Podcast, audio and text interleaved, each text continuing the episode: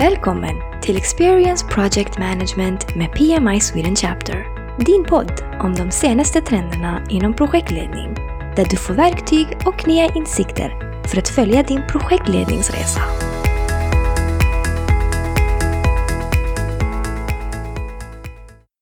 Hej allihopa! Vi är här med Johanna Bergman som är Head of Project Portfolio. Hon är den första young professional med oss här i vår podcast. Vi ser väldigt mycket fram emot avsnittet på grund av detta. Och även vårt superspännande ämne vilket är Artificial Intelligence och dess roll i bland annat projektledning. Jag vill också säga hej till Josefin. Hej hej! Um, hej Johanna! Jättekul att ha dig med oss. Hur mår du idag? Ja, jättekul att vara här. Jag mår alldeles strålande. Va, vad har du hittat på idag? Eh, jag har ju suttit i Zoom-möte efter Zoom-möte efter Zoom-möte som vanligt eh, just nu. det är mycket digitala möten, så stirra in i skärmen. så är det tyvärr. Um, kan du berätta lite om dig själv? Ja, eh, jag heter Johanna eh, och är då Head of Project Portfolio på AI Sweden. Eh, och har varit med sedan uppstarten av AI Sweden, eh, när vi satte igång egentligen. Och jag har varit väldigt delaktig i hela utvecklingen av det vi är idag eh, och sitter i ledningsgruppen också. Och annars eh, är jag friidrottstränare eh, och är utbildad civilingenjör i medicinteknik. Så kommer från det tekniska hållet. Då. Superspännande. Innan vi dyker djupare, Låt oss säga att jag har gömt mig under en sten under de senaste 20 åren och jag har ingen aning om vad artificial intelligence är. Kan du förklara detta för mig i två meningar? Ja, vilken, vilken spännande fråga. Eh, ja, men har man ingen aning om, eh, om vad AI är så skulle jag säga att det är egentligen hur man kan använda datorkraft för att hitta mönster i stora mängder data. Eh, och ofta då mönster som vi människor inte kan se. Sen för 20 år sedan så fanns det ju AI också eh, och forskning på AI. Eh, så att en, en, forskare som har legat under en sten i 20 år, som kanske forskade på AI redan för 20 år sedan, hade ju, då hade jag sagt att nu finns, eh, nu finns datorkraft och data som är tillräckligt för att göra det som du ville göra. så att, eh, mm, två olika svar. Johanna, du är då Head of eh, Project Portfolio på AI Sweden. Ehm, så innan vi börjar gräva lite djupare in i din karriär och ditt yrke, kan du förklara lite mer om företaget AI Sweden som du arbetar för? Ja, det är en ganska speciell organisation skulle jag säga. Vi är ju en icke vinstdrivande organisation som, som i sig inte är ett företag eh, egentligen, då, utan vi bygger på en vi är en distribuerad organisation som leds av eh, olika icke vinstdrivande science parks och motsvarande runt om i Sverige. Då. Så att jag är ju formellt anställd på Lindholmen Science Park, eh, då, som är värdorganisation för AI Sweden. Eh, och AI Sweden är samverkansorganisationen som vi jobbar i. Då. Superspännande. Hur länge har, hur länge har organisationen funnits? Vi eh, hade invigning i februari 2019, så vi är inne på tredje året nu blir det va? Ett halvår innan dess så var jag också med och gjorde förstudien då för vad det här ska vara för någonting. Och det, vi fick uppdrag, det, det, är ett regeringsuppdrag som vi fick eh, på Lindholmen Science Park då redan 2000, våren 2018 fick vi regeringsuppdrag att etablera ett nationellt AI-center ehm, och sen jobbade vi med det under hösten där och så hade vi invigning i februari 2019 och nu finns vi ju i hela Sverige då representerade runt om i Sverige. Jättekul att du också varit med från, från början då helt enkelt.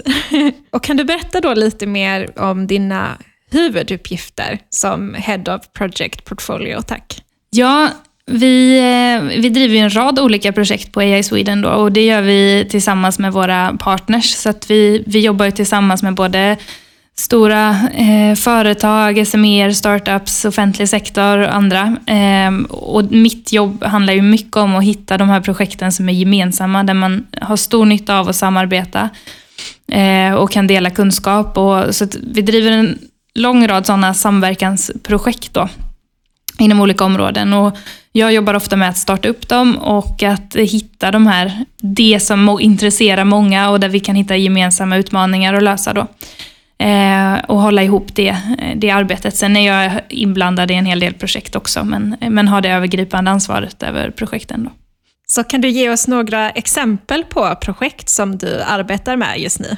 Ja, vi gör ganska mycket kopplat till språk eh, och svenska språket. Eh, det är ju, om vi tänker de stora eh, IT-techbolagen, Google och Facebook och andra som driver mycket av utvecklingen inom språk och AI, så är ju de inte intresserade av svenska. Det är ju en jätteliten marknad eller bransch för dem.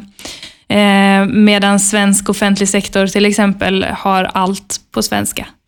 Eh, och där finns ju en risk att vi inte får fram bra modeller för svenska språket till exempel. Då. Så att där jobbar vi med ganska många olika projekt tillsammans med många aktörer och det finns väldigt stora fördelar av att samarbeta kring att ta fram de här språkmodellerna som man pratar om då.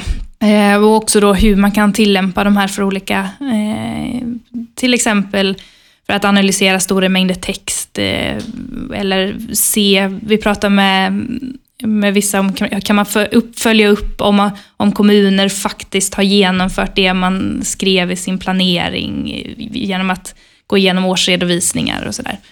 Ehm, så vi tittar på ganska mycket sådana saker. Sen är jag engagerad i flera vårdprojekt då, där vi jobbar med AI för sjukvård. Ehm, och kanske då på systemnivå framför allt, så att hur man kan använda AI för att förbättra sjukvården brett. Och där finns det också ett jättebehov av att samarbeta. Vi, när man pratar AI så är det ju alltid behövs stora mängder data ofta. Varje region i Sverige har ju inte så mycket data, utan vi skulle behöva jobba på nationell nivå istället. Eh, så där finns ju också jättestora möjligheter att samarbeta. Så att, eh, det är väl några exempel och där tittar vi ju på eh, allt möjligt kring hur man kan prediktera vårdbehov och annat. Superintressant. Har det påverkats nu med covid? Ja, eh, det har det ju verkligen gjort. Eh, det är såklart går det långsammare att jobba med sjukhusen nu. De har ju väldigt mycket annat att göra samtidigt som man har insett kanske ännu mer vikten av att kunna dela data, att kunna jobba tillsammans, att kunna ta fram prediktiva modeller eh, för utvecklingen och för vårdbehov och för ja, men hur ska vi optimera vaccinering och sådär. Så att frågorna har ju blivit väldigt aktuella samtidigt som det praktiska arbetet kanske har saktat ner lite tyvärr. Mm. Då får vi hoppas att det löser sig snart. Hur ser du på AI som en lösning för att hantera hållbarhetsutmaningar? Eh, ja, jag tror alltid när man pratar om väldigt komplexa problem, där det handlar om eh, många olika parametrar eh, som, som påverkar resultatet, så tror jag att AI verkligen har potential. För det är, ju, det är ju precis det där att hitta mönster som vi inte ser. Och om, om man tänker, eh, ja, hållbarhet är ju ett väldigt brett begrepp, då, men om, om vi tänker klimatutmaningen till exempel, är det ju ett typiskt sånt område där eh, liksom, det, det, finns enormt mycket, eh, många parametrar som, som styr och där man skulle ju vilja kunna se vad som spelar roll och vilka insatser ska vi göra eller hur ska vi planera städer eller transportsystemet eller annat. Ehm, så det är väl en del. Sen så finns ju såklart hela sjukvårdsperspektivet, ingår ju också i hållbarhetsbegreppet på något sätt med hälsa och att kunna jobba med prediktiv eh, vård istället, eller förebyggande sjukvård istället för att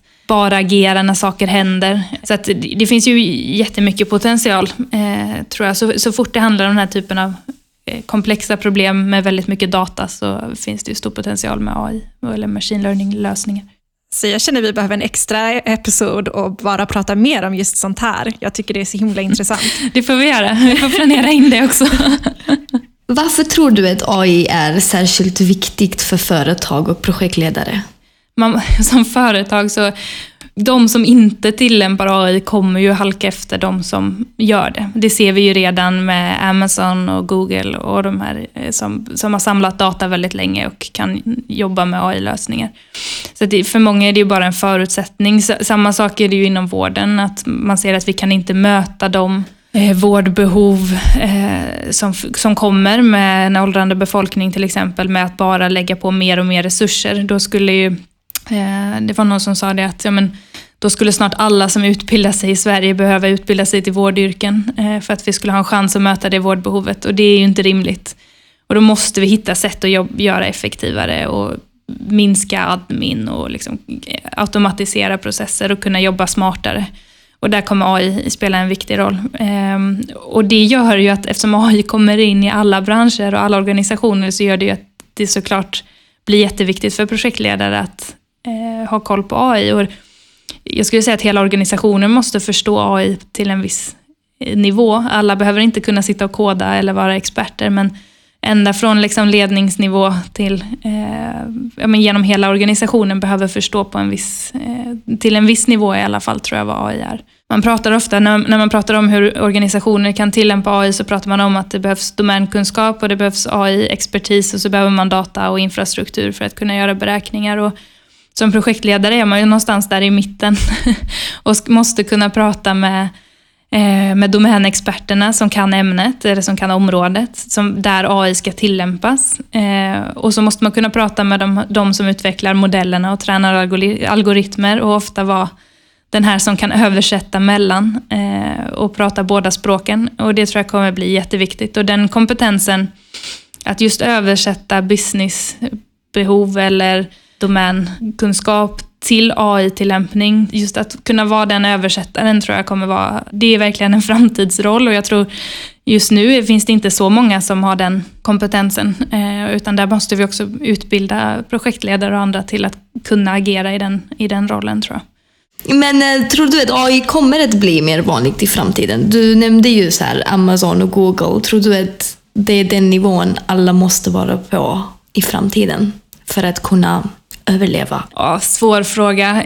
Det kommer vara viktigt i alla branscher eh, och för de allra flesta företag. Eh, och det, det, finns ju absolut en risk att halka efter om man inte börjar jobba med de här frågorna på, på ett bra sätt. Men, men väldigt svårt att svara på. Men det kommer, och det är ju redan viktigt. Eh, det här händer ju just nu och man har kommit väldigt olika långt och det är väldigt få som har fullt ut AI-lösningar i produktion och liksom brett igenom hela organisationen. Det är väldigt få. Men samtidigt har ju de allra flesta börjat prata om det och tittar på var behöver vi jobba med AI och hur ser vår data ut och är vi redo att kunna tillämpa? Och, och vilka, vilka utmaningar har vi där AI skulle kunna spela in? Så att eh, det kommer vara viktigt för de allra flesta skulle jag säga. Mm. Och hur tror du att AI och framtida teknik kommer att förändra projektledningspositionen? Ja, jag tror framförallt nu när vi är en, när allting är väldigt, eh, mycket är ändå väldigt nytt och det sker väldigt stora framsteg hela tiden nu. Då tror jag det är superviktigt att man som projektledare vågar tillåta experimenterande. att eh, det går inte att ha en tydligt utstakad väg hur man ska ta sig framåt, för så mycket handlar om att prova och testa och experimentera och se vad man får bra resultat någonstans och, och sådär. Eh, så det tror jag är jätteviktigt, att våga vara så flexibel, att inte riktigt veta vad slutresultatet blir, men ändå kunna leda mot ett mål. Och också att i den, det experimenterandet kunna hålla fokus på Eh, frågan man vill lösa. Det är viktigt att hela tiden utgå ifrån den utmaning eller det problem eller den process man vill effektivisera eller den utmaning man vill lösa eller eh, vad det är. Eh, och hålla fokus på det samtidigt som man tillåter det här experimenterandet. Och det, det tror jag är klurigt men också väldigt inspirerande och roligt. Men sen är det också den där att kunna agera den här översättaren eller bryggan mellan, eh, som jag beskrev innan tror jag. Mellan personen? Ja, precis som förstår både businessbehovet och tekniken till en viss nivå. Då. Ja, bra, bra tips. Och för mig då som för, jag förhoppningsvis kommer arbeta med projektledning i framtiden, vilka skulle du säga är de viktigaste teknikerna och begreppen man behöver veta för att kunna arbeta med och hantera och skapa AI-lösningar? Give us the details. ja, men, eh, oh, svår, svår fråga. Eh, ja, jag, jag, tror man behöver, man behöver liksom ha koll på begrepp tror jag man får med sig. Men man behöver liksom förstå vilka problem går att lösa med den här tekniken. Eller med olika typer, alltså AI är ju en rad olika tekniker. Eh, men man behöver börja grotta ner sig lite i vilka, vilka problem ska man styra åt den här teknikhållet och vilka ska man styra åt ett annat håll eller sådär. Men jag skulle väl rekommendera att man åtminstone går någon grundläggande kurs i AI som projektledare, till exempel Elements of AI som är en öppen kurs som riktar sig väldigt brett. Ehm, och där får man ju med sig alla begrepp med liksom supervised learning och unsupervised learning och man, man förstår lite vad det men vad är data och, vad, hur, eh, och vad är, ja, vilka krav finns för att man ska kunna tillämpa AI-lösningar. Så det är svårt att säga något generellt svar, men jag tror man måste vara nyfiken och vilja också lära sig de, eh, ändå det, förstå det tekniska på en övergripande nivå tror jag är viktigt. Ja, men detta tar jag med mig. Då börjar jag från och med imorgon, så lite, lite AI varje dag. Bra, helt rätt. Ja, eh, men vad skulle du säga då, Johanna, till de som är, verkar vara lite ovilliga att eh, börja använda sig av AI? Men jag skulle nog fråga varför. Eh, för jag, jag tror ofta den ja, den rädslan som finns tror jag ofta handlar om okunskap. Så jag hade nog börjat med att fråga varför. Eh, varför man inte skulle vilja tillämpa det och sen så försöka också, det är så lätt att det blir en slags konstig förvrängd bild av AI, att det handlar om någon slags superintelligens och robotar som, som det ju inte är. Och då ska man nog se det verkligen för, för vad det är och, och det är ju liksom datorprogram. det är ju inte... Det, är liksom, det, finns ett fantastiskt Twitterkonto som heter Not My Robots eller något, där de tar upp dåliga stockfotos av AI. Och då är det ju robotar som sitter och skriver på ett tangentbord eller sitter och svarar i kundtjänst. Och det, det är ju liksom en jättekonstig bild av vad AI är. Istället ska man ju se det för, det är ju algoritmer som ofta löser en väldigt specifik fråga. Så jag tror man måste ja, lite ta bort den här eh, förvrängda bilden som kommer utifrån börja titta konkret. Liksom. Ja, men vad har ni för utmaningar och vad har ni för data? Och liksom börja testa och så ser man ju att men det här är inte så konstigt. Det är matte och statistik och eh, programmering. det är liksom ingen, det är inte magi. På tal om detta så tänkte jag och Josefin ställa några frågor. Och jag vet att ni där ute, jag vet att ni tänker samma som oss här och har de här frågorna som ni vill ställa till Johanna. Kommer AI att ta över våra jobb? Eh, ja och nej skulle jag säga. Eh, jag skulle säga att det kommer ta över vissa jobb. Eh, men det kommer skapa nya jobb och det kommer göra att man kan lägga mycket mer tid på, om vi tar vården som exempel igen, så skulle vi kunna få bort mycket av det administrativa till exempel, så att sjuksköterskor och läkare kan lägga tid på patienter. Kommer vi ha androids, alltså robotar gjorda för att efterlikna människor, som lever med oss i samhället i framtiden? Tråkiga svaret att jag inte tror det. Eh, inte i en nära framtid i alla fall. Jag ser heller inte riktigt varför vi skulle utveckla den typen av teknik. För att jag ser ingen riktig anledning till det. Nästa fråga kommer här. Kan AI bli smartare än människor? Det där blir ju en filosofisk fråga, vad, vad intelligens är och hur man mäter intelligens. Eh, jag skulle säga att vi kan hitta AI-tillämpningar som löser, eller det gör det redan, det gör, vi har ju redan AI-tillämpningar som löser uppgifter som människor inte kan lösa. Och om det är att vara smartare så är det ju ja.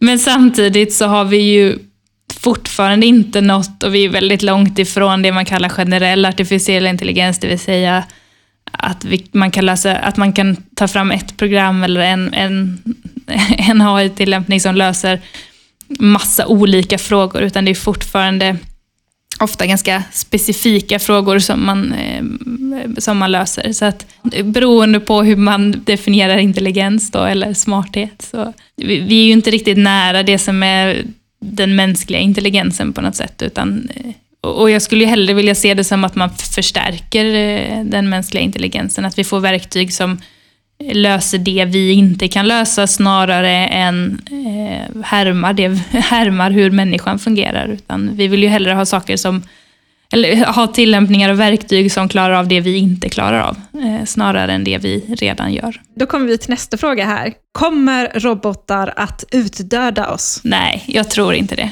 Jag kan inte riktigt se varför vi skulle hamna där. Det är ju igen den här förvrängda bilden av att, vi, att det är mördarrobotar. Liksom det, vi är ju inte alls där och, och, vi är inte ens nära den här generella artificiella intelligensen. Och det är ju liksom, de här verktygen har ju ingen vilja det är inte... det, är ju lätt att tänka att vi, vi bygger liksom mänsklig eh, intelligens, men det, det är ju inte det det handlar om riktigt. Så att, nej, jag, jag, tror inte att eh, mänskligheten står på spel. Då är, då är nog klimathotet och, eh, våra, och våra egna krig är nog värre, skulle jag säga. Då är jag glad att vi har frågat det här, för att nu, nu kan alla känna sig lugna. Ja, jag tror man snarare ska känna sig...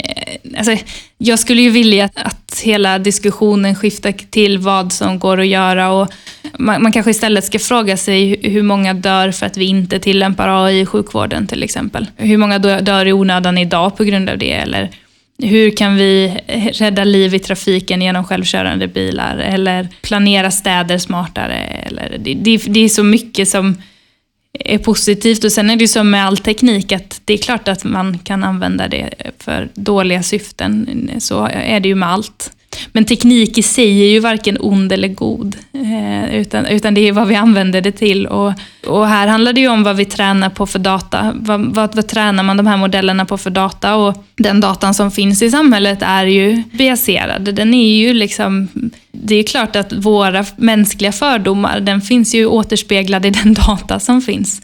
Eh, så det är klart att en modell tränad på den datan kommer ärva fördomar som, som människor har. Men det är ju ett samhällsproblem snarare än ett eh, teknikproblem då, eh, som jag ser på det. Sen skalar det mer ehm, och effekterna kan bli stora. Men i sig är ju, så är det ju matte och statistik ungefär. Det, det jag tar med mig från det du har sagt är att vi ska se vilka möjligheter det finns av att använda AI och sen även se okay, vad, vi, vad går vi miste om när vi inte använder det i princip, för att lösa olika samhällsproblem. Precis, och det är nog det vi ska vara rädda för, snarare än eh, mördarrobotar tror jag. ja, precis. Du nämnde lite i början, så när du berättade om dig själv, din bakgrund och så, men det hade varit intressant att veta lite mer om hur du hamnade där du är idag. Så var det din plan att arbeta med AI eller är det någonting som du bara hamnade i? Oh, svår fråga. Jag, jag tror aldrig jag haft en plan. Eh, eller jag har trott att jag haft en plan men den har ändrats hela tiden. Skulle jag säga. Jag var ju helt övertygad om att jag skulle hålla på med stamceller och så började jag plugga medicinteknik. Och så insåg jag att jag tyckte att eh, nej men, eh, matte och statistik eh, är mycket roligare och signalbehandling och de här delarna. Eh, men så, insåg, så tyckte jag ju också att liksom, vårdtillämpningen var väldigt rolig så då trodde jag att jag skulle hålla på faktiskt med eh, AI och vård eller jobba med data och vård på något sätt för att förbättra vården. Och sen hamnade jag på Lindholmen Science Park då inom ett annat program som handlade om ambulanssjukvård och IT. Eh, och så drev jag projekt där och då råkade jag komma in i eller starta ett AI-projekt. Ganska slumpmässigt blev det att det blev ett AI-projekt. Och då var det ungefär samtidigt som vi fick det här uppdraget att starta AI Sweden. Så då gled jag mer och mer över på det för jag tyckte det var så fantastiskt roligt. Och nu tycker jag ju att det är, själv, att det är AI brett som är ännu mer intressant än kanske bara specifikt mot vård då, även om det såklart är lite ett av mina eh, favoritämnen. Så. Eh, så det, är ju många slump, mycket slump och eh, absolut, nej, det, det, det var inte planen. Jag har tänkt, eh, ett tag skulle jag bli läkare och sen så var det civilingenjör och så trodde jag skulle jobba med stamceller och sen så trodde jag skulle jobba med e-hälsa och sen så hamnade jag där jag är nu. Så, att, ja. så är livet. Det är ju det fina med livet vill jag i alla fall säga. Ja. Men eh, du har nämnt, Johanna, att eh, en nyckel till Sveriges framsteg inom eh, AI är kunskapsdelning och samarbete. Så kan du berätta lite mer om vikten av att samarbeta och dela kunskap för att då utveckla användningen av AI? Ja, jag tror eh, att jag var inne lite på det innan, men, men det handlar ju om det här att tekniken är ju väldigt generell. Så att det är samma frågeställningar egentligen oavsett vad du ska tillämpa eh, på. Vi hade ett exempel där vi jobbade med sillgrisslor och eh, bildanalys. Eh, och det var ju samma teknik som man använde för självkörande bilar. det är liksom, tekniken är, är generell och det gör ju att det man lär sig inom ett område är ju jätteviktigt i ett annat område också och därför finns det ju otroligt stor fördel av att samarbeta. Och också att det är så nytt så att det är ju onödigt att alla springer på samma misstag på olika håll, utan det är mycket bättre att vi kan och, och, och vissa av de här delarna som bromsar ganska mycket av utvecklingen kring juridik och kring, alltså det är ju mycket oklarheter kring datadelning och juridik och GDPR och, och de frågorna. Och det är ju också generellt. Och kan vi röja undan de hindren gemensamt så finns det ju jätte, jättemycket att vinna. Eh, så att, eh, ja, bara fördelar med, att samarbeta och det är också därför vi finns. Vilka är några av de utmaningarna och svårigheter som följer med att arbeta inom AI? Eh, det är ju säkert ungefär samma utmaningar och svårigheter som med all innovation och utveckling och, och så. Men, men det är ju mycket att man bryter ny mark ganska hela tiden och speciellt när det kommer till juridik och så, så kanske ibland lagstiftningen ligger efter eh, och inte är förberedd för det man vill göra, till exempel kring datadelning i sjukvård och sådär. Så är inte lagstiftningen eh, tillräckligt uppdaterad eh, för att eh, fungera. Så det är stora utmaningar. Sen är ju kanske den allra största utmaningen kompetensbristen. Att alla företag behöver anställa duktiga data scientists och, AI-experter. och Så många finns inte, och speciellt inte i Sverige, utan man måste titta globalt. Och då gäller det att kunna locka hit personer som, med rätt kompetens. Och där finns det ju också mycket, jättemycket utmaningar kopplat till det. Har du några tips eller råd som du vill ge till framtida projektledare? Oj, vilken bra, bra fråga. ehm, ja, men jag tror, ja, men om, man, om man är precis i, att, liksom, i, i början av sin eh, karriär så, så tror jag det är jätteviktigt att också ta sig en roll. Att man eh, gör det man vill göra och se till att man får den rollen, om man är bra på det. Eh, och våga göra det. Eh, våga säga ja eh, till, till att ta sig an utmaningar, även om det är, är läskigt. Eh, det tror jag är en sån nyckel för mig, att jag ganska tidigt bestämde mig för att om det känns läskigt så eh, är det ju bra. för då, är det, då tar jag ett nytt steg framåt och sen nästa gång kommer det inte vara lika läskigt. Så, och våga göra det. Ju mer man vågar göra det, desto mindre läskigt är det ju också. Men till en viss gräns såklart. Eh, så att, eh, nej men jag tror det att också skapa sig den rollen man vill ha och se till att man är i en organisation där det funkar.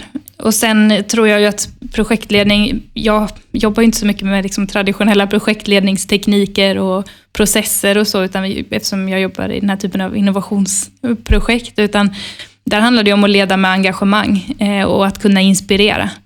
Eh, och det tror jag är en jätteviktig egenskap och att någonting man ska jobba på också, att eh, bli duktig på att engagera människor och få alla att jobba åt samma mål. Där jag är så är det så mycket viktigare än att kunna sätta upp liksom mål, milstolpar och mål och uppföljning och sådär, utan där handlar det mycket mer om engagemang och det ser olika ut i olika branscher, men jag tror det är viktigt oavsett eh, hur, hur processstyrt man jobbar, så tror jag det är just det där engagemanget som är jätteviktigt. och få människor att vilja jobba åt samma mål. Men det var jättebra tips. Uh, och jag, jag, känner mig inspirerad efter det här samtalet. Ja, men det är bra. Att, uh, och definitivt börja lä läsa, lära mig lite mer om, om AI och uh, vilka möjligheter det finns. Ja, för det kommer man att stöta på. Oavsett vilken bransch så, är det, så tror jag man kommer stöta på det i någon form. Så det är bra. Men super. innan vi avslutar, är det någonting mer som du hade velat tillägga? Något sista ord? Nej, jag tror inte det. Mer än att det är ju väldigt kul att jobba med framtiden och det... Eh, jag, jag, tror att eh, när man väl är inne i det så ser man att det, det här är ju ingen det är inte så läskigt. Liksom.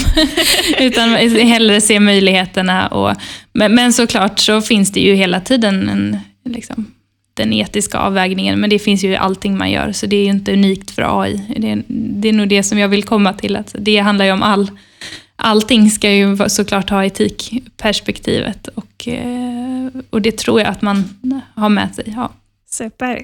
Jättefint avslut. ja men vad bra. Tack så jättemycket för att du ville spendera tid med oss ikväll. Ja, men absolut. Och eh, tack till alla er som har lyssnat. Ehm, och så hörs vi snart igen. Hejdå! Hej då! Du har lyssnat på podden Experience Project Management, producerad för dig av PMI Sweden Young Professionals. PMI är idag världens ledande organisation för personer som är intresserade av projekt, program och portföljhantering. Om du vill bli medlem eller veta mer om oss och PMI Sweden Chapter, besök pmi-se.org eller våra sociala mediekanaler. Vi ses nästa avsnitt.